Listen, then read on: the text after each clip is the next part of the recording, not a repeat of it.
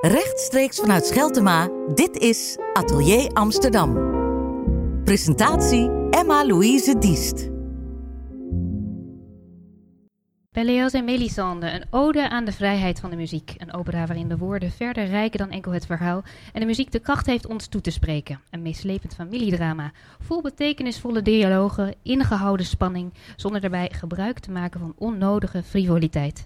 En we kijken naar de enige opera die Claude Debussy ooit voltooide, Pelléas en Mélisande, is niet alleen een hoogtepunt, maar ook een keerpunt in de operageschiedenis. En over deze prachtige opera, en dus ook best wel bijzonder, gaan we het hebben met bariton Michael Wilmering. Welkom. Dankjewel. Ontzettend leuk dat je er bent. Kan je ons een klein beetje meenemen, een beetje naar het begin, het verhaal, het drama waar we naar gaan kijken? Ja, het is interessant, want het is natuurlijk wat je ook net zegt, een familiedrama, maar het is ook gewoon een, een levensverhaal, want je ziet dat in een familiedrama of dat iets terugkeert op elke generatie weer. En daar zijn we natuurlijk, dat is van alle tijd eigenlijk. En dat benadrukt deze regisseur ook. En dat vind ik heel mooi om uh, terug te zien. Dus je kan ook, je gaat ook zelf nadenken. En daar heb je ook de tijd voor, want muziek is natuurlijk een beetje ja, wat rustiger. Dus je hebt ook tijd om te mijmeren of over dingen na te denken. Ja, je zegt al iets uh, specifieks, een kenmerk van deze muziek, dat dat rustiger is. Kan je nog iets anders noemen wat heel kenmerkend is voor deze muziek? Nou, wat je dus, of wat hij dus, of ja, wat ik denk dat hij dus wil, is dus dat de, de, de taal, de, de melodie van de taal komt heel erg naar voren. Dus het is niet per se de melodie die gemaakt wordt, maar ze kijken naar een zin of hoe de taal klinkt, het Frans. En dat wordt gecomponeerd. Dus als je praat, dat die uh, bla bla bla bla bla bla bla bla. Dus daar hoor je dan al een, uh, een melodie eigenlijk in. En dat een soort bepaald ritme waar we naar luisteren. Ja. ja. En echt, het, ja, dat, uh, dat, dat is echt sprekend voor dit stuk. We horen ook niet lange aria's, er zijn kortere stukken. Ja. Um, zijn er nog meer elementen die specifiek voor deze opera zijn, die anders zijn dan, dan je hebt in andere opera's bijvoorbeeld? Nou, wat, je dus, wat ook mooi is, is bijvoorbeeld dat het orkest dus dan ook soms dus de stem begeleidt, maar dan weer weggaat. Dus het, eigenlijk is het orkest dan ook dus de zee, dus met eb en vloed die even meegaat en dan weer een eigen gang, een eigen manier of eigen kleur maakt. Dus dat is ook wel specifiek voor deze muziek. En dat dus uh, het ook dicht bij de spreekstem wordt gehouden. Of bij, dus dat maakt het ook heel kwetsbaar, vind ik. Dus je hebt niet dat er een aria wordt gezongen met hele hoge noten en snelle noten, maar het is heel uh, menselijk eigenlijk. En dat raakt.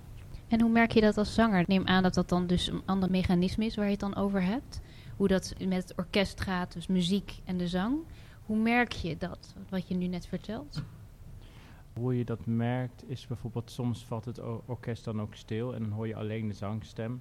En die doet dan niet een kunstje of zo, maar die spreekt dan reciterende tonen, dus een soort sprekend, uh, als hij zegt, uh, ik, ik, ik kan het niet meer. En dan hoor je bijvoorbeeld ook ta ta da da die. En, je, en, het, en het is ook lager in de stem geschreven, waardoor je dus echt de mensenstem hoort. Dus het, je kunt bijna aan de intonatie ook al horen wat er gezegd wordt. Ja. Bij deze, dit stuk is dus de tekst heel belangrijk, dus de taal denk ik dan ook. Dan moet je heel erg daar ook op focussen. Is dat dan specifiek de moeilijkheid van deze opera? Waar, waar liggen de valkuilen of de dingen waar je op moet letten als zanger bij, uh, bij dit stuk? Ja, dat vind ik een uh, beetje moeilijk om te antwoorden. Maar wat moeilijk is, is ja, dat dus de taal, uh, wat jij dus ook zegt. Dus je hoort het ook sneller als er iets niet klopt. En vooral voor de Franse mensen. We hebben ook een Franse coach gehad die echt heel veel met ons heeft uh, gestudeerd. Ja. een Franse coach hebben we gehad. En de dirigent is ook heel precies. Want je hoort het heel Als het dus inderdaad zo transparant is, hoor je ook heel snel als er iets niet klopt. Dus je bent heel zichtbaar dan meteen misschien. Ja. ja. En uh, ja, je, je, speelt de dokter. Ja. Ik denk in het verhaal op zich heel belangrijk. De dokter is, is nooit weg en al helemaal niet in dit stuk. Maar kan je je rol een beetje beschrijven? Want hij is inderdaad wat kleiner. Maar als ik al zo hoor dat elk klein dingetje hoorbaar is... is misschien zo'n kleine rol juist wel heel belangrijk. Ja, uh, dat is zeker ook zo. En het, uh, hij komt ook vaker terug... Dus je ziet, het is dus dat uh, het, de familie. En dan heb je natuurlijk de arts, die weet eigenlijk alles. Maar ja, die heeft zijn beperkingen ook. Of, of wat, wat wordt er opgevolgd van wat hij zegt? Of uh, luisteren ze naar, daarnaar? En kent, hij is eigenlijk misschien ook wel de psycholoog. De buitenstaander, bui, het oog die van de buitenkant kijkt. En hoe heb jij jezelf ehm, ingeleefd in, in dit personage? Heb je daar veel voorwerk voor moeten doen? Of hoe ga je, of neem je, dat, neem je de situatie op dat moment met je mee? Ehm, nou, wat het, eh, het- zelf doe je ook eigenlijk wel veel. Want soms heb je regisseurs die dus heel veel eh, met jou samen doen en zeggen wat wil je of, eh, of dit vind ik. Maar deze regisseur was heel vrij. En dat heeft ook wel weer iets. Maar daardoor kan je dus je eigen draai eraan geven of je eigen verhaal maken. En wat bedoel je precies met heel vrij? Nou, hij, hij zei niet ik wil dat je dit en dat doet of dat je zo, zus en zo doet. Hij zei eigenlijk best weinig. En soms kan je denken, oh ja, het is wel fijn om een houvast te hebben. Maar ook soms als iemand het vertrouwt of je vertrouwt, dan is er ook juist weer ruimte voor iets nieuws. En, dan, eh, en dat is dus nu gebeurd. Wanneer merkte je dat er iets aan het ontstaan was? Dat je denkt, hé, hey, Ja, dat voel je, voel je zelf wel eh, duidelijk. En het grappige is, als je dan bijvoorbeeld weer te ver gaat, dan voel je dat eigenlijk ook. En dan zou je dat ook wel weer terug horen van zo'n eh, van de eh, dirigent of de, of de regisseur of de taalcoach. Ja, kunnen we iets verder inzoomen? Dus als we het hebben over deze rol die je nu speelt. Je zegt al, ik ben wel vaak op het toneel. Ja. Je komt steeds terug. Ehm, dat lijkt me voor je concentratie ook best wel, eh, best wel moeilijk. Hoe ben je daarmee omgegaan? Ja, ik vind dat, persoonlijk vind ik dat niet zo moeilijk. Want dat is natuurlijk wat je doet. En, je, en het is heerlijk om in, eigenlijk in je fantasie eh, natuurlijk te zitten. En je kan denken, het is natuurlijk nu, nu een eh, kleine rol. Maar dan heb, daar heb ik zelf ook wel weer van geleerd. Daar kan je weer andere dingen uithalen. Want soms als je, zo, als je dan een hoofdrol doet, dan ben je zo, zo gestrest en zo bezig. Of zo, eh, op een hele andere manier zit. En nu heb je meer tijd om afstand te nemen en te denken, goh... dus dan probeer ik dat bij de volgende hoofdrol of grote rol die ik doe, probeer ik dit dan ook weer toe te passen. Je hebt eigenlijk meer tijd om ook meer te leren. Ja, en goed om je heen te kijken, echt. Ja. Wat er gebeurt en wat er bij de anderen gebeurt. Dus daar ben ik eigenlijk heel dankbaar voor. En dan natuurlijk dat die muziek die, die mij echt raakt, keer op keer weer. Kan je vertellen wat dat dan is? Want Ah. we kunnen het heel erg hebben over de dingen die er gewoon duidelijk kenmerkend zijn aan deze muziek. Maar het kunnen net die andere kleine dingen zijn die jou raken. Ja, ik vind ook, gisteren was ik bijvoorbeeld ook eh, naar ballet in de, in de Stopera. En dan zie je ook, ik heb me expres dan niet ingelezen. En dan kan je, eh, het is dan ook, net zoals deze opera's dus ook die tijd, dat impressionisme en alles, dat niet per, vast ligt dit of dit gebeurt er. Je kan je eigen, eigen gevoelens of eigen kleuren bepalen of voelen. En dat vind ik persoonlijk heel fijn, dat er niet is van eh, dit, dit gebeurt er A, B, C. Maar dat je wordt meegenomen in een, eh, in een kleurenpalet. En dat raakt mij elke keer. En dat ligt dan ook aan je eigen gemoedstoestand. Want als, als ik op een dag daar sta en ik ben wat treurig, dan hoor ik juist die kleuren. En je zei ook dat je dus inderdaad veel hebt kunnen leren. Omdat je dus wat meer een helikopterview kan hebben. Misschien wat meer kan uitzoomen. Kan je vertellen wat je hebt geleerd? Gewoon specifieke dingen? Nou, wat ik bijvoorbeeld zag bij, wat, bij Melisande, zij houdt het dus eh, zo bij zichzelf en zo eh, puur. En dat transparante durft zij aan te gaan. Dus niet door elke keer echt als een zanger te gaan zingen. Maar voor haar lijkt het, voor mij dan als buitenstaander, lijkt het alsof zij eh, helemaal niet aan het zingen is. En dat, dat heb ik wel echt geleerd. Want soms dan ben je zo bezig, oh dat moet en die noot moet zo. En toen keek ik naar haar en toen zag ik echt dat zij gewoon haar mond opende en er kwam gewoon een heel verhaal. In plaats van dat je zegt, ze was aan het zingen. Ja, bij de opera heb je natuurlijk aan de ene kant heb je de zang. Je moet acteren. Je hebt ook een choreografie. Je Ja. moet je op een bepaalde manier bewegen. Dat zijn allemaal verschillende disciplines eigenlijk. Komen die dan specifiek bij deze opera wat meer samen? Ehm, nee, ik denk elke keer is het weer iets anders. Bijvoorbeeld de vorige opera die ik deed, moest ik zelfs eh, paaldansen. Dus dan heb je dus weer heel veel dans erbij. Ja, nee, dat, dat kan ik. Dat en ook een hele specifieke dans dan Ja. meteen. Ja. Dat Ja. houdt het natuurlijk eh, heel leuk. En daardoor eh, ja, kan je dit dan weer meenemen in je, in je rugzak, zoiets. Is het dan soms een strijd op het podium met al die disciplines samen? Want het acteren is ook weer echt heel anders dan het zingen natuurlijk.